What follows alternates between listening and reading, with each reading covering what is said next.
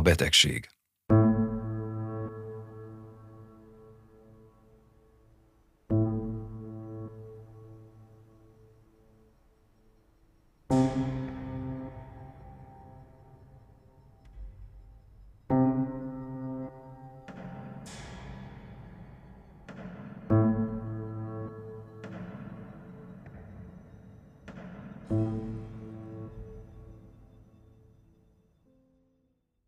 Először nekem tűnik fel, hogy apám nem tudja becsukni a jobb szemét. Persze az is lehet, hogy már mindenki tudja, csak én nem. Ágyán vagyunk a nagyszüleimnél. 1979-ben egy nyári délután, minden bizonyal vasárnap, amikor hazajöttünk a templomból, megebédeltünk már, és apám a nyári konyhában alszik. Anyám valahol kint van, én pedig valamiért bent, és azt látom, hogy az apám jobb szeme nyitva. Azt hiszem, hogy nem is alszik, csak úgy tesz. Beszélni kezdek, kacagni mintha játszana velem. Még horkol is. Hiába mondom, hogy tudom én jól, hisz látom, hogy nem alszik, nyitva van a szeme. Szólok is Zsüli nagyanyámnak, hogy nézze, apám nem alszik, mindenki lássa meg, csak viccel velem. Úgy tesz, de én átlátok a turpisságán. Apám nagyon mélyen aludt, nem vett észre semmit az egészből. Ahogy senki más nem vesz komolyan engem, hát félig nyitva van a szeme, és kész. Nem tudom, apám mikor látta meg, hogy lebénult a fél arca. Talán még azon a nyáron, talán csak ősszel. Mindenképpen elég későn ahhoz, hogy már ne lehessen rajta segíteni. Vagy olyan típusú a bénulás, amit nem lehet kezelni, hiába menne orvoshoz azonnal. Télen majd hetekig fekszik a Temesvári Egyetemi Klinikán, azt mondják, agydaganata van. A rokonság gyűjteni kezdi a pénzt a műtétre, ő pedig halni készül. Hirtelen leszokik a dohányzásról, és már nem is tudom, hogy miféle életmódi változtatások következnek be, orvosi javallatra vagy önszorgalomból, ilyen-olyan emberek tanácsára. Minden érdekes, hasznos, megfontolandó, de nem hozván azonnali sikert, abba marad. Esetleg mi is továbbadjuk jó tanácsként. Kiderül azután, hogy daganatról szó sincs, de innen kezdve beteg ember, valamivel állandóan kezelik. Sokszor hónapokig minden betegségből felépül, csak az arcbénulása marad meg. Nem tudok szabadulni attól a gondolattól, hogy a legelején elkezelték, és nagyon sok későbbi problémája abból a hat hétig tartó temesvári gyötrődésből ered, amelynek során lelkileg összeroppan. Azt hiszem, az apám kortörténete izgalmasabb olvasmány volna, mint a szekus dossziéja, innen számítva tulajdonképpen a betegség a fő elfoglaltsága.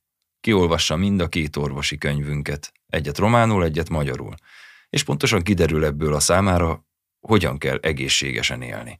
Persze minden marad változatlan, csak a retorika erősödik fel. Vigyázni kell az egészségre. Tulajdonképpen minden cselekvés árt az egészségnek. Josip Vida nagyapám erre azt mondja, hogy maga az élet árt. Leginkább. A bénulást a húzat okozta. Soha többet nem lehet egyszerre két ablak nyitva a házban. Apám számára ez lesz a legfőbb ártalom, ahogy anyámnak az alkohol meg a fűszer.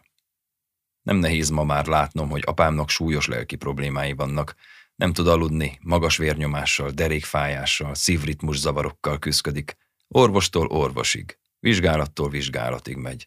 Kipróbál minden alternatív gyógymódot is, fürdőt, kezelést, pakolást, gyógynövényt és kefirgombát. Végül sok év után két csodaszer mellett teszi le a voksát. Az egyik a fokhagyma, a másik a bor. Sokféle gyógyszert hozott Magyarországról vagy Németországból is. Vannak olyan orvosságok, amelyektől rosszul van, de hűségesen szedi mindet. Pontos, precíz, megbízható ember. Egyszer meglátok egy igen furcsa nyugat-német dobozt, amiben addig sosem látott színes kapszulák zörögnek, és mire végig gondolnám a következményeket, egyet be is kapok titokban. Napokig félek, hogy mi lesz, de nem történik semmi. Viszont amikor elfogyni készül, kiderül, hogy hiányzik egy kapszula. Riadalom van, keresgélés, úristen, elfogy idő nap előtt a nyugat-német gyógyszer, engem pedig ez a lelki furdalás, de nem szólok. A gyógyszert akkor nem lehet pótolni, és amikor elfogy, apám rájön, hogy hirtelen jobban lett. Nem nagyon, de azt az émeigést, ami gyötörte, nem érzi. Amikor azután megjön az utánpótlás, abból a kapszulából csak egyet vesz be, és nem szedi többet. Később szegeket, csavarokat tartunk a dobozokban, legyen valami hasznunk is az egészből. Annyi gyógyszere van, hogy tulajdonképpen mindegy, ha valami kimarad. Néha olyan szagú az izzadsága, mint egy patikai szemetes zsák. Senkinek nem jut eszébe, hogy apámnak pszichés problémái vannak. Ő sem tud ezekről beszélni, akinek lelki problémái vannak, az bolondnak tartja, mint a falusi ember általában. Anyám néha megereszt egy gonosz feltételezést, hogy orvos betegsége van, ami azt jelenti, valahányszor orvoshoz megy, apám sokkal rosszabb leleteket produkál, mintha nem menne. Anyám is unja az egészet, nem mondja, hogy apám hipohonder, nem használja ezt a szót. Fehér köpeny frász. Ezt nem tudom, honnan szedtük össze, de nem én alkottam. Apámnak ez az orvosi kötelesség teljesítése tulajdonképpen megfelel az anyám számára. Teljes felügyeletet gyakorolhat. Bármiről le lehet apámat beszélni. Ülhet, feküdhet, rádiózhat és tévészhet, amennyit akar. Pihen. És valóban fáradékony, aluszékony, sokat izzad, semmihez nincs türelme, legtöbbször nem is akar semmit. Aztán hirtelen megelevenedik. Neki fog valaminek, és az első görbülni készülő szektől elcsügged. A kalapácson meg a deszkán áll bosszút, ami nem engedelmeskedik. Egy ilyen alkalommal figyelem meg, hogy egy nagyon kényelmetlen helyen, ahova nem fér be a jobb kezem, ballal tökéletesen beveri a szeget. És azután sokszor látom, hogy ballal gyorsabban tudja pötyögtetni a zsebszámológépét. Ha észreveszi, hogy figyelem, azonnal vált. A Ceausescu rendszer a 80-as évekre gyakorlatilag felszámolja a pszichológiát, mint tudományt és praxist. Ha valaki mégis pszichológushoz fordulna, pontosan kell tudnia, mit akar és kit keres. Apám esetében ez fel sem merül. Ugyan kinek mesélhetné el a boldogtalanságát vagy a szekus problémáját. Magába fordul és összeroskad. Nem talál igazi kiutat.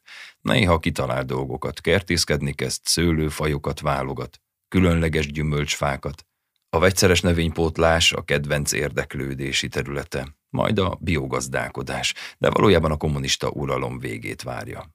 Azután a jobb világot, ami soha nem fog eljönni. Nem is hisz benne. Meg annyi szökési kísérlet a valóságból, amelyben anyám átvette az egyeduralmat. Ő visz a hátán engem is, az apámat is. Egy tíztagú családdal is elbírna, mindenkinek leosztaná, hogy mi a dolga, senki nem tudná estig jól befejezni. Olyan nincs, hogy valami egészen jó lenne. És anyám ne tudna igazítani rajta egyet. Vagy ne volna rá megjegyzése. Hiányt vagy kételyt jelző mozdulata. Rosszalló arc kifejezése. Rettenetes időszak ez, mert az összes szorongása, feszültsége rám irányul. Egyedül van a kétségeivel. Tulajdonképpen a halál árnyékában élünk, és kiderül, hogy rettenetesen félünk. Ezt a félelmet, amelyben mindenki egyedül maradt, nem fogjuk soha többé kiheverni. Olyan marad az a hat hét, mint egy vizsga, melyen egyenként és együtt is megbuktunk. Azután külön a mi kedvünkért törölték a diszciplínát. De ez senki sem segít. Azt hiszem, minden már tudjuk, hogy nem hiszünk Istenben és a gondviselésben. Pontosan tudjuk, hogy a halál után nincsen semmi. És nem fog segíteni rajtunk senki, ha majd eljön. Vagy odaérünk a kapuba. Ott mindenki egyedül van. Együtt tudjuk ezt azon a fagyos télen. Apám, a teológus, anyám a hívő, én a kisfiú.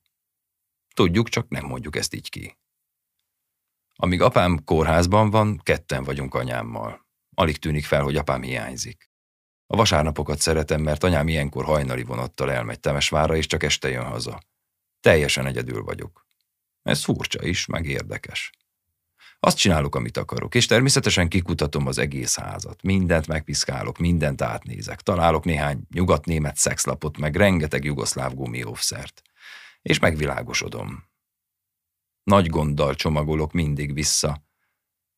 Tudom, hogy anyám mindent ellenőriz. Ma sem értem, hogy nem vette észre ezeket a kutatásokat. Azt hiszem túl fáradt volt, és kétségbe esett. Én pedig mindent csak egyszer néztem át. Kárt nem tettem semmiben. Sok érdekes dolog pedig nem volt. Szegények vagyunk el végre. Az sokkal fontosabb, hogy már korán reggel elindulhattam a határba. Kemény, havas tél volt, és órák hosszat követtünk mindenféle vadnyomot a nádasban. Többször be is szakadt alattunk a jég, de nem volt mély a víz, úgy futottunk haza félig megfagyott lábbal. És kitanultuk, hogy a nádas veszélyes, mert a mozgó nádszálak közt nem fagy be jól a víz. Ott olvad, kásásodik meg először, hasra feküdve kell kimászni, mert a jég töredezik tovább. Ilyenekre tanított Toldi úr, meg arra is, hogy ha nagyon fázik a lábunk a gumicsizmában, le kell húzni, erősen megsúrolni hóval, attól felmelegszik. Farkastól itt nem kell tartani, pedig mi szerettük volna. Utoljára az ötvenes években lőttek az ágyai erdőben, viszont ha túlszelid rókát látunk, attól óvakodjunk, veszett lehet. És ha valahol téli, nagy hidegben megpihenünk, vigyázzunk, nehogy elnyomjon az álom. Egyszer majdnem elalszunk James-szel kint a pusztán egy istálóban a szénán. Mínusz 25 fokot mutatott azon a hajnalon az udvari hőmérünk. Mikor mentél el? kérdezi mindig anyám. Én pedig mondom, hogy fél órája. Láttam is a vonatot, amint jött a hídon át. Ott álltam a töltésen, és valóban úgy volt általában, hogy a fél négyes vonatra hazaértem. Egyszer nem jött azzal anyám, csak a későbbivel, mert elesett a Temesvári pályaudvaron. Neki rohant valami kő vagy téglarakásnak. Vérzett is csúnyán a lába harisnya csizmában. Feldagadt és megkékült. Éppen olyan csizmája volt, mint egy kolléganőjének, akit elütött a vonat, mert a váltónál beszorult a csizmasarok a vasok közé, és nem tudta kiszabadítani a lábát. Mindig ez jut eszembe, ha ilyen lábbelit látok. Most megint. Nem tudom, anyám miért nem vitt egyszer sem a kórházba. Talán meg akart kímélni a gyűrődéstől, a helyzettől, a látványtól. Apám nyilván rossz paszban volt, sötét kétségbeesésben. Nem volt más baja. Nem feküdt vérben és nem haldokolt. Sok afrikai diák levizsgázott rajta, ha csak lehetett, segített nekik, orvosok lettek később a hazájukban. Nem emlékszem, hogy mikor vonult be és mikor jött ki apám a kórházból, csak a vasárnapok maradtak meg, amikor rengeteget lehet csatangolni, de a szabadságot mégsem ilyennek képzeltem. A rákgyanú, az arcbénulás, az elkezelés mind későbbi tudás eredménye. Utólagos elbeszélés az anyám szavaival, és néha apám helyesbít ezt-azt, de csak töredékesen, mint mindig. Majd kijön a kórházból, és minden megy tovább, mintha mi sem történt volna. Még él harminc évet. Alig emlékszem, hogy milyen volt az előtt. Nem iszik, nem dohányzik. A munkáját elvégzi, a pénzt hazaadja. Néha rettenetesen ideges, de uralkodik magán, máskor teljes letargiában van. Nem kell uralkodnia magán, és tényleg anyám csinál mindent, a tüzeléstől a vízhordásig a sorbanállástól a főzésig, a matekházimtól az apám hazahozott munkájáig. Szenvedtem depressziótól, tudom, hogy milyen az, mikor az ember teljesen lelassul. Még pedálozni is elfelejt, elesik a biciklivel, ahogy apám is többször. Éjjel nem tud aludni, nappal viszont írás vagy beszéd közben lekoppan a szeme, és ha addig bánta, hogy nem vezet autót, most örülhet neki. Abban a közegben, amelyben akkor élünk, a lelki problémáknak semmilyen relevanciájuk nincs. A 19. század merkantil materializmusa éppen beérik, a lélek nem számít valóságnak. Képzelődés csupán, az álom pedig hülyeség. Az anyag az egyedüli realitás, meg a pénz.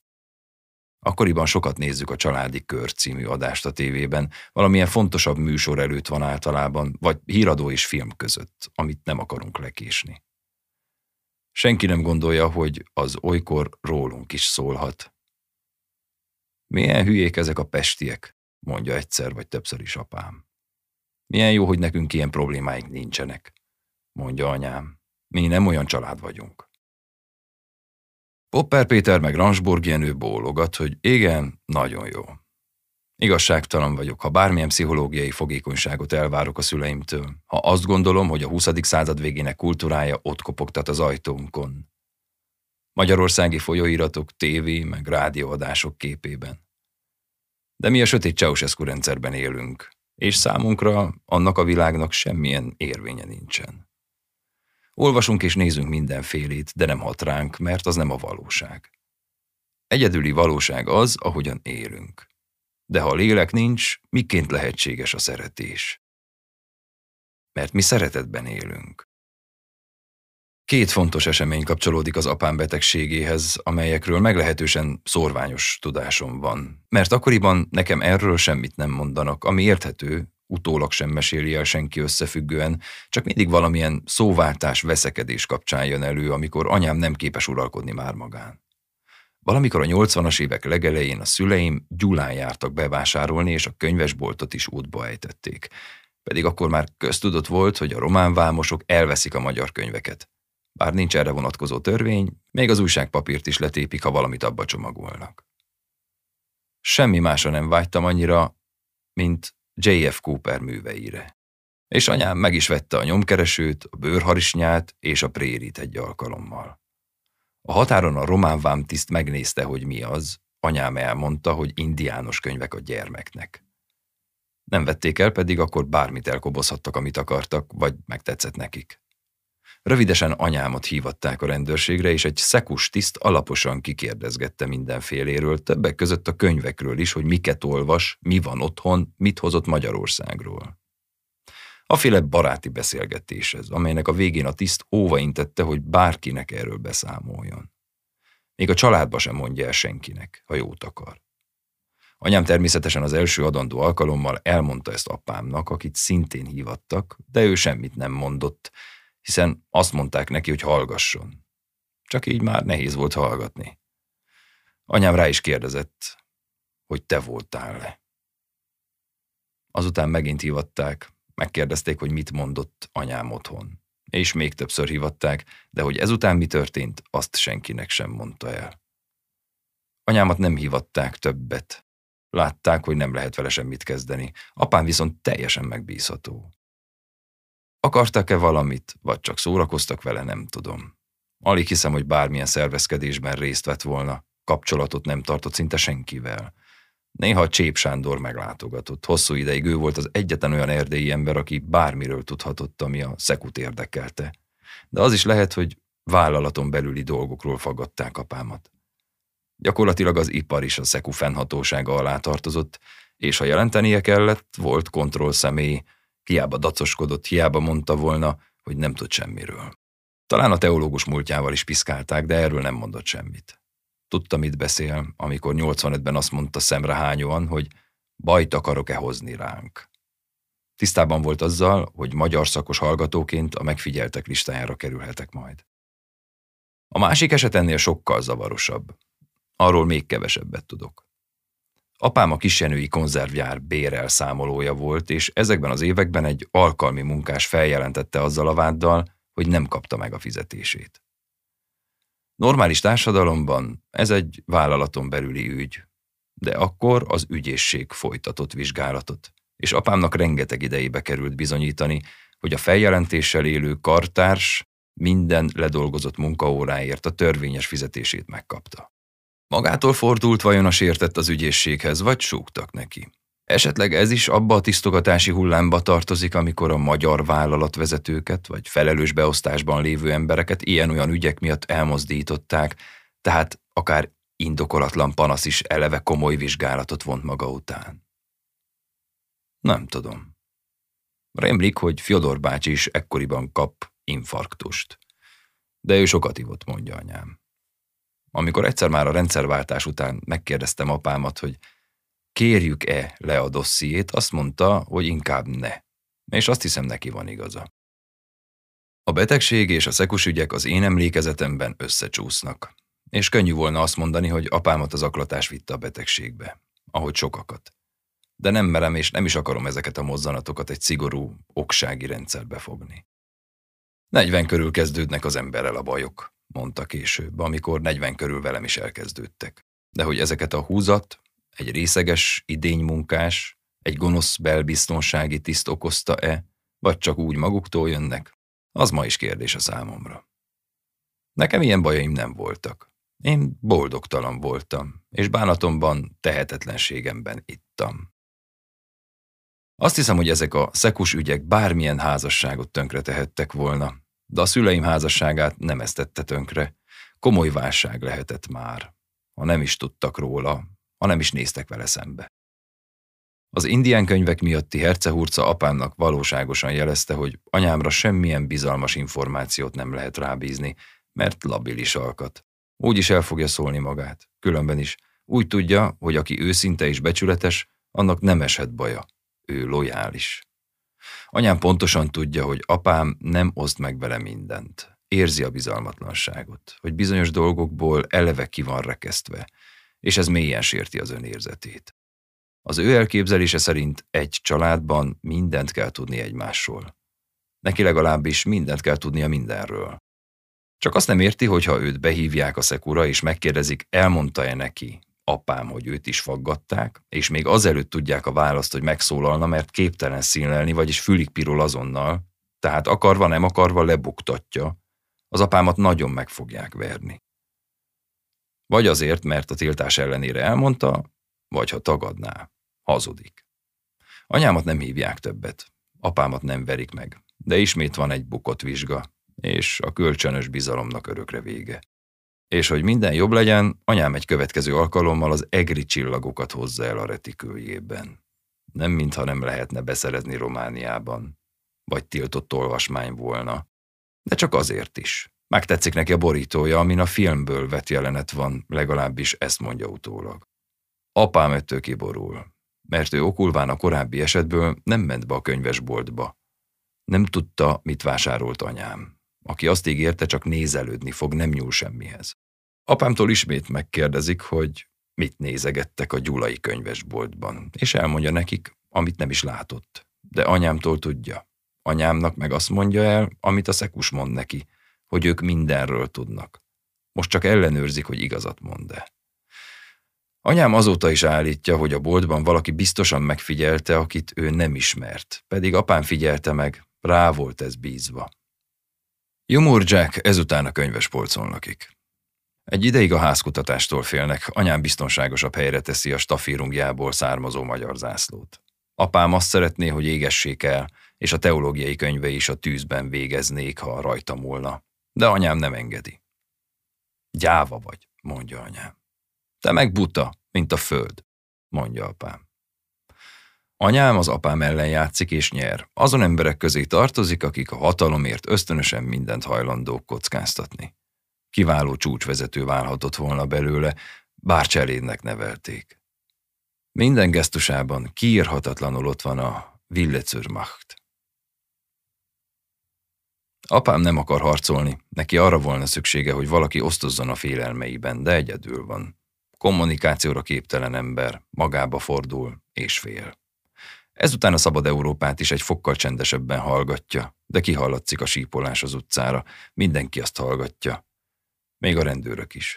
Anyám nem mert ő apámmal szemben lojális a rendszerhez, és ő nem ér rá a sok dumát hallgatni, mert állandóan dolga van. A hideg is kirázza bányászkató hangjától, aki Rómából uszít. Őt utálja valamiért leginkább, talán mert nő. Adja Isten, hogy valami fontos műsor legyen a temetésemen is, vagy meccs, mondja sokszor. Nem tudom, apám erről mit gondolt, de én mindig nagyon féltem, amikor az anyám a saját halálát vetítette elénk, mert jól emlékeztem az epekríziseire, melyek során körbehányta a konyhát vagy az udvart. Ilyenkor kamilla teát kellett főznöm, hogy jól kimossa a gyomrát, és akkor megint jött egy rendhányás. Majd vajfehéren feküdt, vagy tántorgott valahonnan valahova. Egyszer a szomszédnénit is áthívtam, annyira megijedtem. Mindig pontosan tudta utólag, hogy melyik ételtől volt rosszul. Nyilván az utolsóra emlékezett, és idővel nincs már olyan, amit egyszer legalább ne hányt volna. Egyetlen biztonságos étel sincs a számára. Másnap viszont már semmi baja de még napokig kömény maglevest és pirítóst teszik, vagy puliszkát. Nekem sokáig halálfélelmem van ezektől a krízisektől. Mi lesz velem, ha anyám valóban meghal? És csak én vagyok otthon vele. Egy idő után pontosan tudom, előre érzem, hogy rövidesen megint epekrízis lesz, mindig valamilyen feszültség előzi meg. Szeretnék idejében lelépni, de az nem olyan egyszerű. Részben, mert krízis előtt mindig velem foglalkozik. Részben, mert ha elfutok, vissza is kell jönni majd. Mi nem veszekszünk, ismételgeti.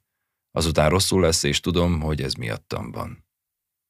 Sok utálatosabb dolog van a hányásnál meg a szarnál, mondja. De hogy mi, azt nem.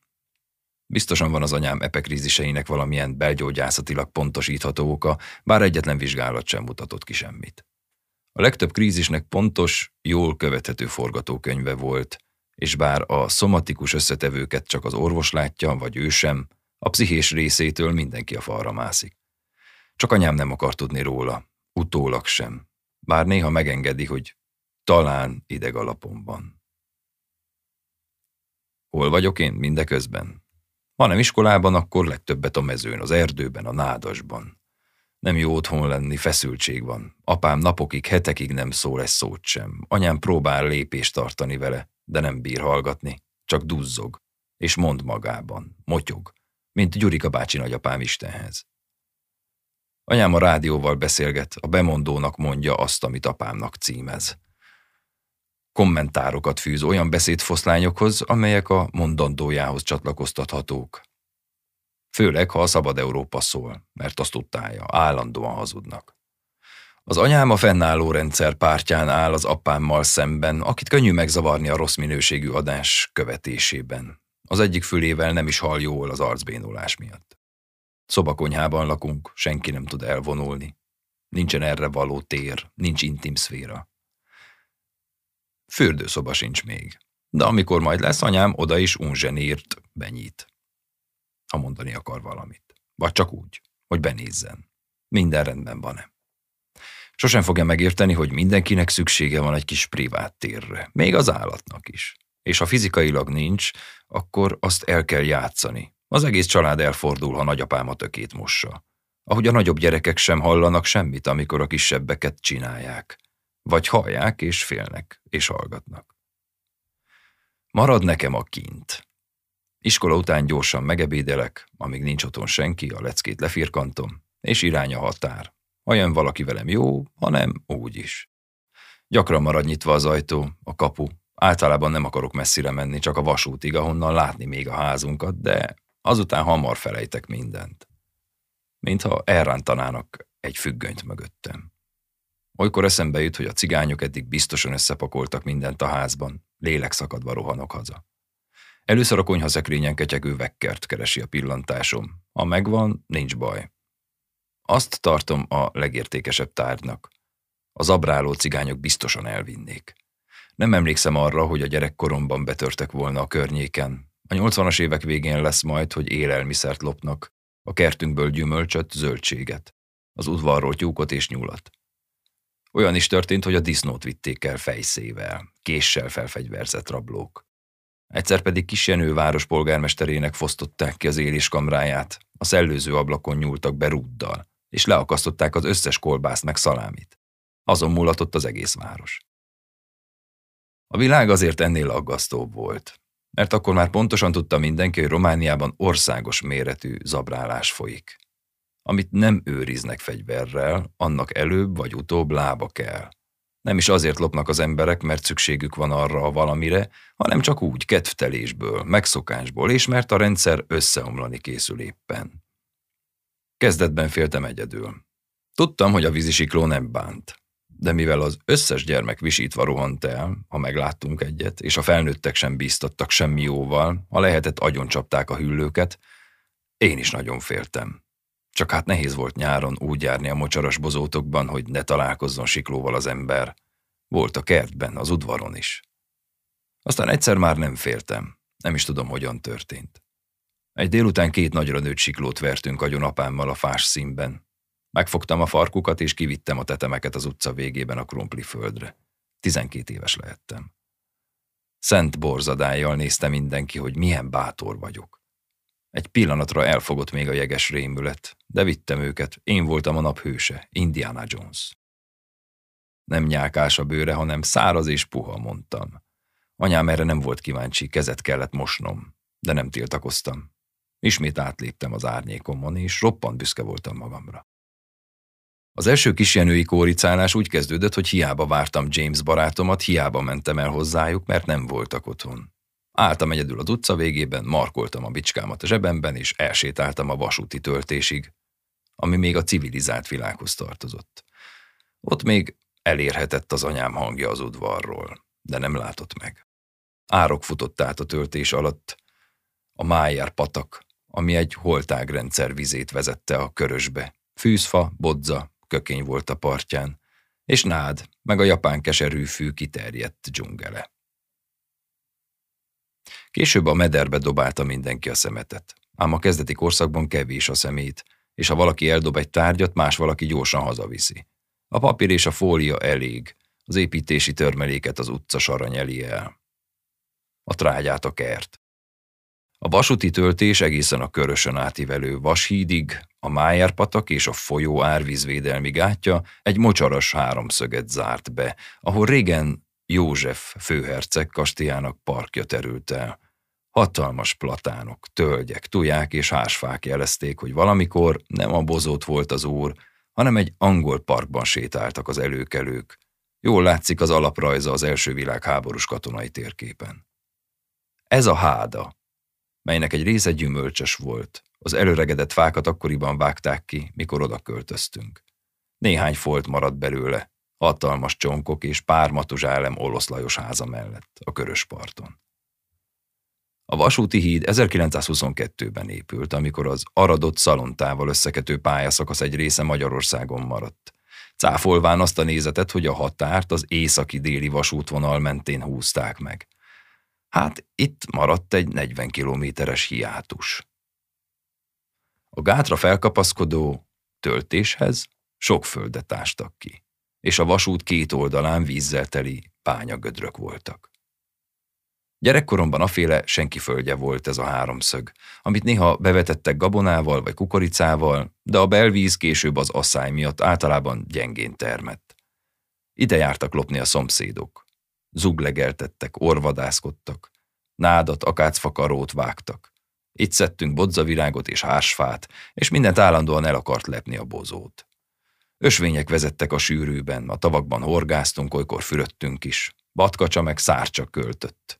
Láttunk pézsmapatkányt és elszökött nutriát is, mert akkor mindenki azt tenyészt, aki gyorsan szeretne meggazdagodni. A töltés oldalában rókavár volt, és láttunk egy télen hattyút is leszállni a legnagyobb tó víztükrére. Ez a két-három négyzetkilométernyi vadon ideális játszótérnek bizonyult.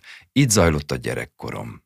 Ide mentem ki először egy magamban, mint a szökevény, akit nem üldöznek, de nem is hív senki vissza.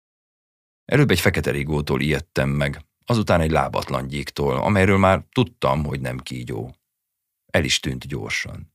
Hatalmas, majdnem szobányi felületű facsonkon ültem, amit akkoriban fedeztünk fel a bozótosban.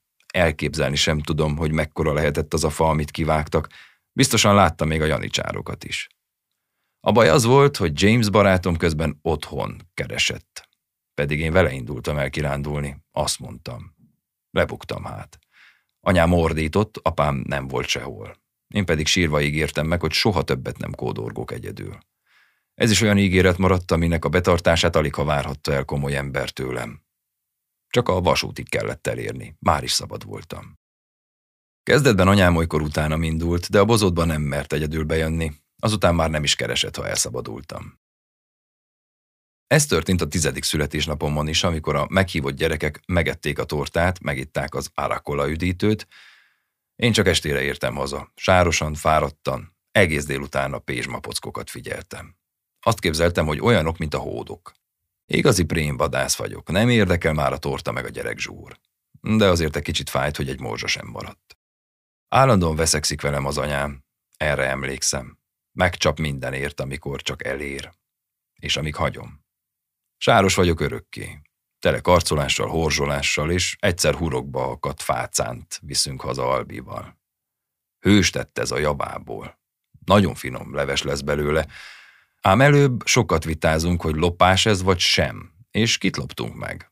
Anyám szerint az államot, mert a vad az állami. Szerintem a hurkázt. Idővel anyám is megszokja, hogy állandóan kint vagyok valamerre.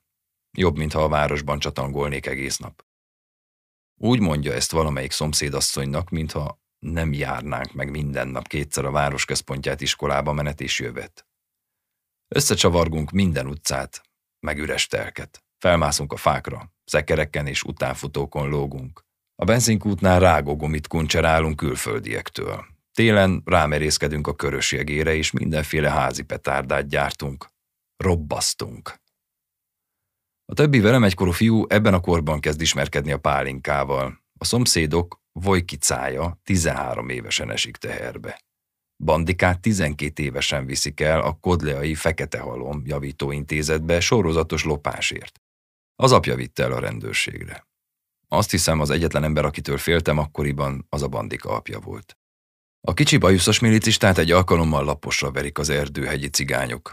Egy öregasszony lemeszeli az ájult rendőrt, és a cigánytelepről való osztálytársnőim közül kevesen járják ki a nyolc osztályt, rendszerint férhez mennek. A város különben veszélyes, mert déltől a mozi körül sok magyar cigány gyerek őgyeleg.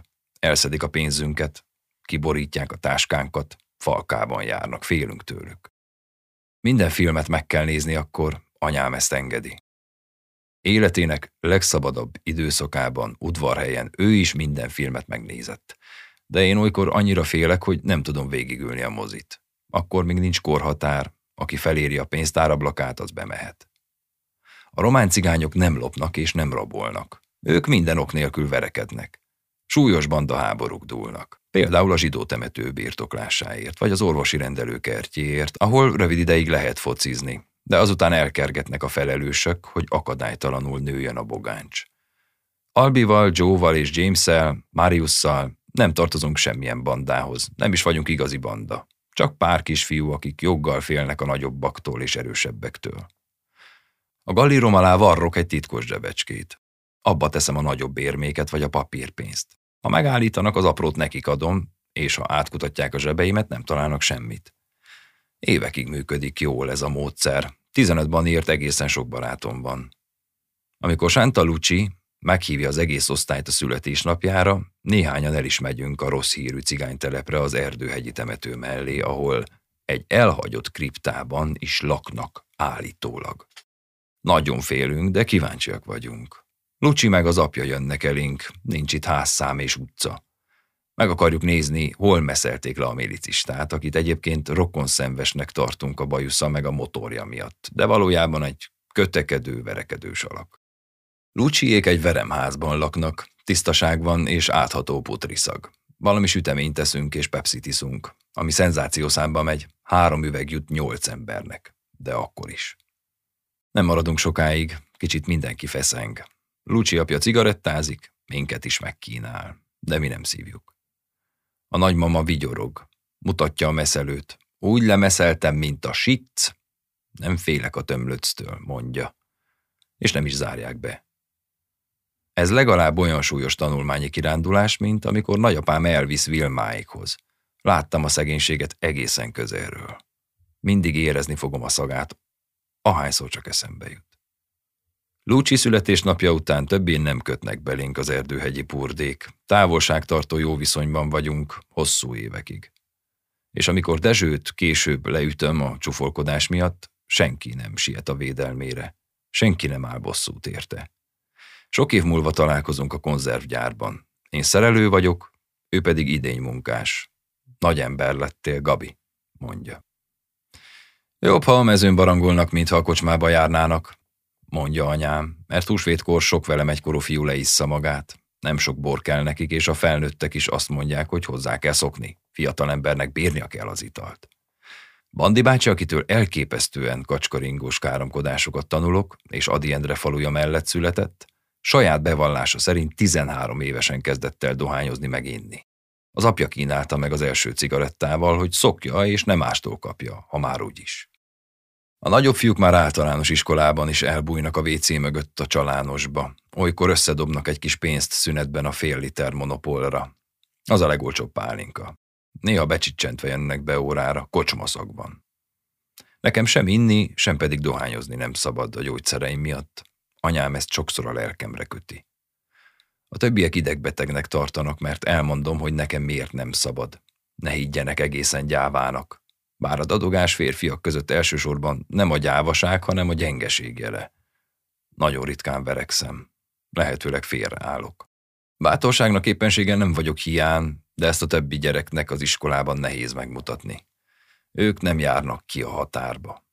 Legfennebb halászni a folyóra, vagy valamelyik holták partjára, ha elengedik őket. Amit mi Joe-val és James-el művelünk, teljesen idegen, és hiába olvasnak indián könyveket, eszükbe sem jut cserkészni vagy bármilyen állatot megfigyelni. Az erdő messze van. Semmilyen felfedezési vágy nem hajtja őket. És ha elmesélem, hogy vasárnap egész nap az erdőben voltunk, megkérdezik, hogy minek. Fát vágtatuk. Falusi gyerekek kevesen fognak középiskolát járni. Ötvenből mindössze négyen megyünk majd egyetemre. Bár első körben senki nem jut be. De ez így is jó arány ott. Mi vagyunk a legnépesebb korosztály a második világháború után. És kisenőben igazi szenzáció, ha valakit egyetemre felvettek. Bár akkor is nagyon sokan tudták, még többen mondogatták, hogy diplomáért nem adnak semmit a boltban. Nem csak a magyarok, a románok is ezt gondolták. Falun rendszerint azt tanul tovább, akinek ezt már a szülei elkezdték, vagy valaki valamiért fontosnak tartja, mint az apám tanítónője. Jó volt hát az erdő. Megóvta az álmaimat egy olyan közektől, amelyben a pénzszerzésen kívül semminek nincs értelme. Nem csak e él, nem csak ezt hirdeti a maga erőszakos retorikájával, de ellenségesen viszonyul minden olyan próbálkozással szemben, amely a dolgok önértékét keresi, vagy legalább feltételezi, és nem törődik a maga hasznos vagy haszontalan voltával. Elég volt felmennem a vasúti töltésre és elnézni kelet felé, a Somosi erdő irányába, amely mögött tiszta időben világos vára kék lett. Már is kint voltam abból a szorításból, amit akkor alig ha tudtam néven nevezni, de naponta éreztem. Szorongásnak nevezik, és nem enged lélegezni, beszélni, gondolkozni. Nem tudom, miből, honnan ered, ki vagy mi okozza, de állandóan ott van a létezésem alapjaiban. A mindennapokban és az ünnepekben. Minden kapcsolatomban és viszonyaimban. Mindent összekuszál, szétzilál, felforgat. Én menekülök tőle. El is marad egy időre, ám a vasútnál bevár, mint egy hűséges kutya. Tudja, hogy visszajövök. Gyengék az idegei, mondja anyám, ha valaki szóba hozza a dadogásomat, vagy a vele járó összes tünetet, gesztust. Apámnak is gyengék az idegei, de ő nem dadog, ő hallgat. Egyformán lent vagyunk minden társadalmi hierarchiában. Magányos apa, magányos fia. Kérdezem egyszer a vasúti töltésen, hogy mi van az erdőn túl. Nem tudja. Hát miért nem nézi meg? Minek? Válaszolja és hazamegyünk.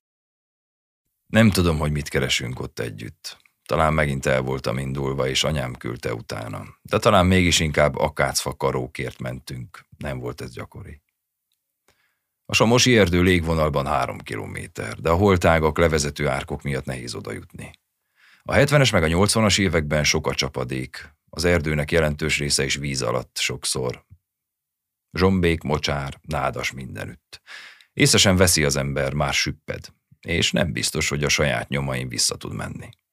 Az erdő nagyobb része ültetett, de sok helyen vannak még ősöreg tölgyek, és a vágterekben átjárhatatlan a bozót.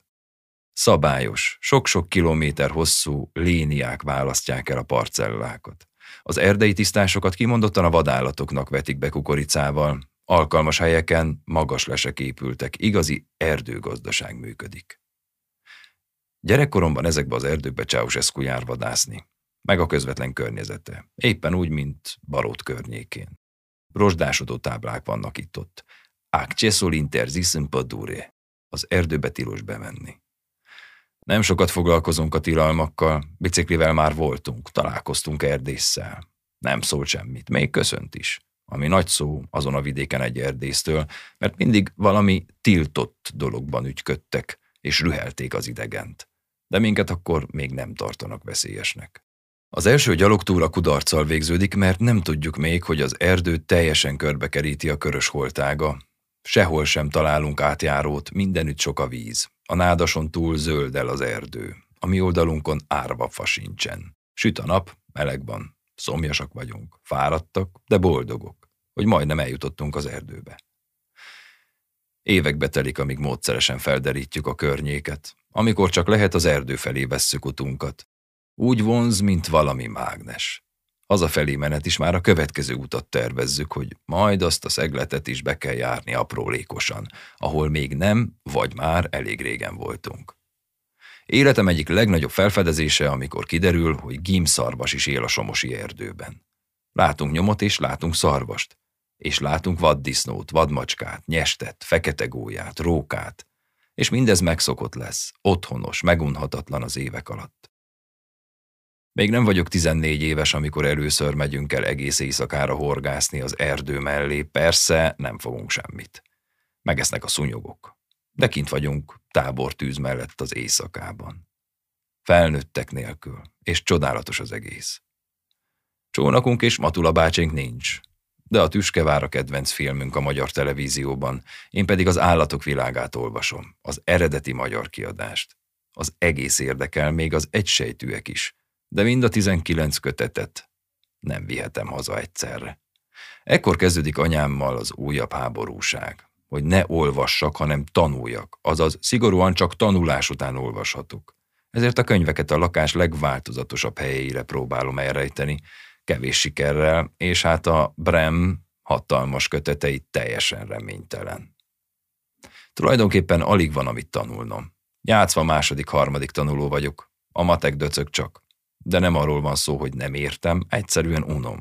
Főleg az algebrát, amiért tant szeretem és tudom. Minden érdekel, még a fizika és a vegytan is. Ráadásul az olvasási láz rengeteg információt hoz be mindenről, és a tévé, amely akkoriban komoly műveltséganyagot közvetít annak, aki figyel.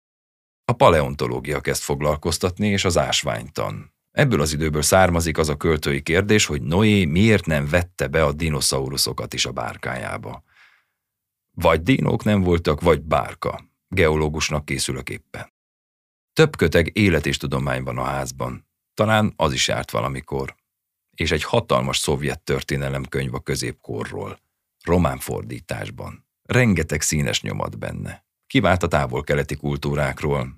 Az orosz enciklopedizmus remeke, amit a bolsevikok kozmetikáztak, hogy minden az osztályharcról szóljon. Csináld meg a leckédet, mondja anyám állandóan. Én pedig igyekszem még az iskolában elintézni, hogy otthon csak felmutassam, amire megjön a munkából. Kész van, és mehetek világgá. Ha nem kóborlok, olvasok megállás nélkül. Észre sem veszem, hogy egyedül vagyok. Focizni sem járok. Ha van egy jó könyvem, kiadom a labdát a fiúknak, és olvasok tovább. Csatár ilyet soha nem tesz. De a kapus nem futballista. you